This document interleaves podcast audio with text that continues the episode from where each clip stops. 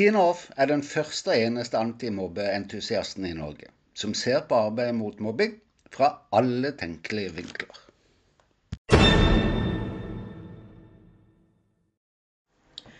Rektors rolle inn i mobbesaker setter tonen for kvaliteten som utøves, effekten som barna opplever, og resultatene som skaper. Én person, altså. Hvordan kan en rektor sørge for at det vises bedre forståelse for foreldres situasjon i disse sakene? I arbeidet med skoleutvikling og familiebistand i enkeltsaker er det særlig aktuelt hvilke spørsmål en stiller seg om hva når det gjelder foreldre- og skolemiljøsaker. Og hvordan.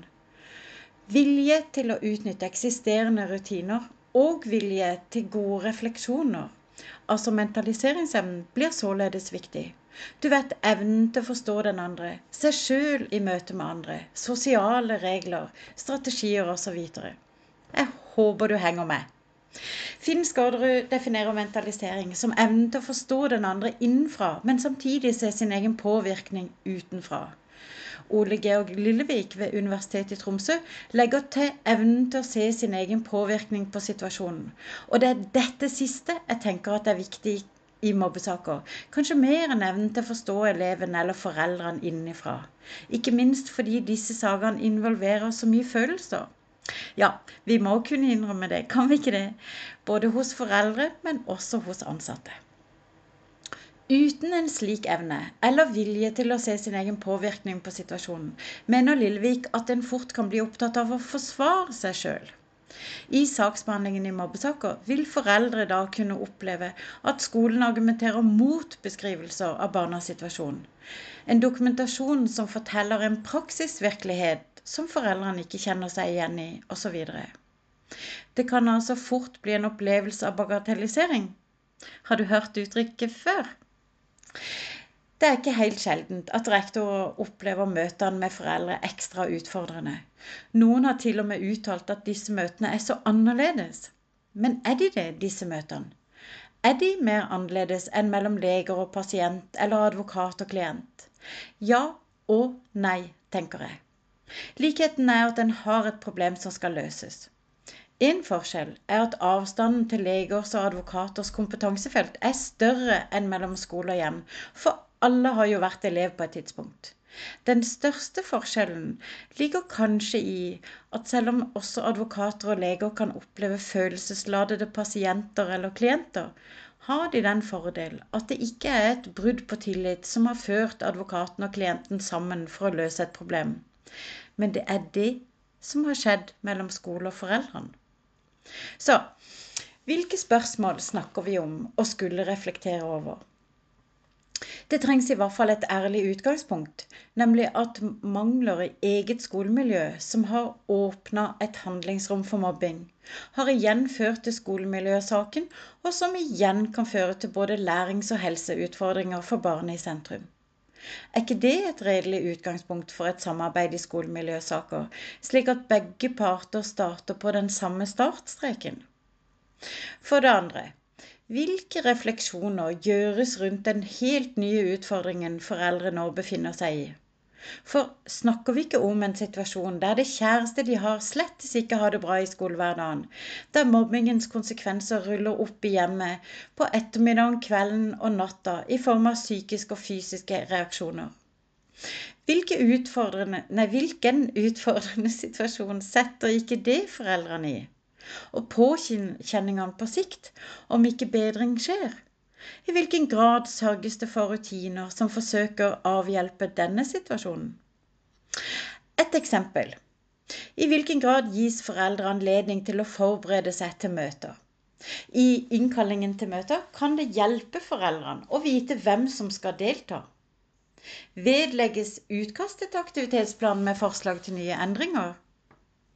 Vil en ikke unngå press på foreldre ved at de slipper å bekymre seg for hvor mange og hvem som dukker opp på møter. At de ikke trenger å ta der og der beslutninger direkte inn i møtene. Blir det ikke bedre kvalitet i samarbeidet om foreldre gis anledning til å forberede seg? Vil det ikke også kunne gi foreldre en opplevelse av en mer likeverdig rolle i mobbesaker? Det er bare et eksempel, men som gir null merarbeid Innkallingen skal jo ut uansett. Utkast er klart, og en setning eller to ekstra spiller ingen rolle. For det tredje reflekteres det over at foreldres rolle i saksbehandlinga også er en helt ny erfaring. Ja, for er det ikke foreldrene som frem til nå har vært sjefen over alle sjefer? Utfordres ikke skolen denne rollen i mobbesaker? Har ikke det betydning for om og i hvor stor grad en bør være opptatt av å forsvare skolen, eller være opptatt av at det blir akkurat de tiltakene på denne måten som skolen ønsker? Og hva med forventningene til at foreldrene skal stille seg bak og være trygge på at akkurat disse tiltakene nå kommer til å funke, ja, selv om det er tiltak nummer 50? Hvem er det behov for, er den tålmodige part.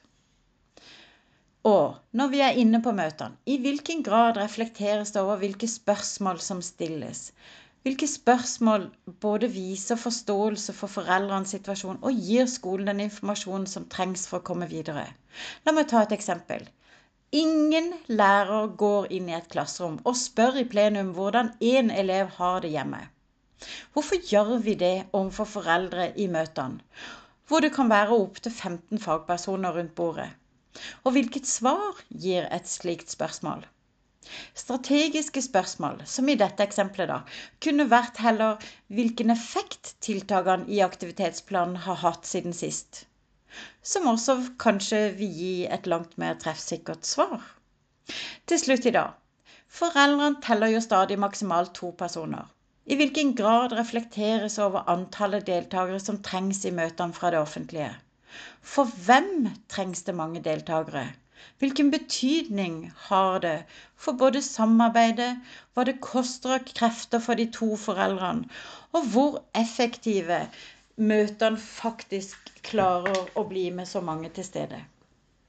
Mitt mål i dag har vært å peke på muligheter i justeringen av eksisterende rutiner til fordel for kvaliteten i arbeidet, men også å peke på spørsmål som har betydning for effekten i samarbeidet mellom skole og hjem.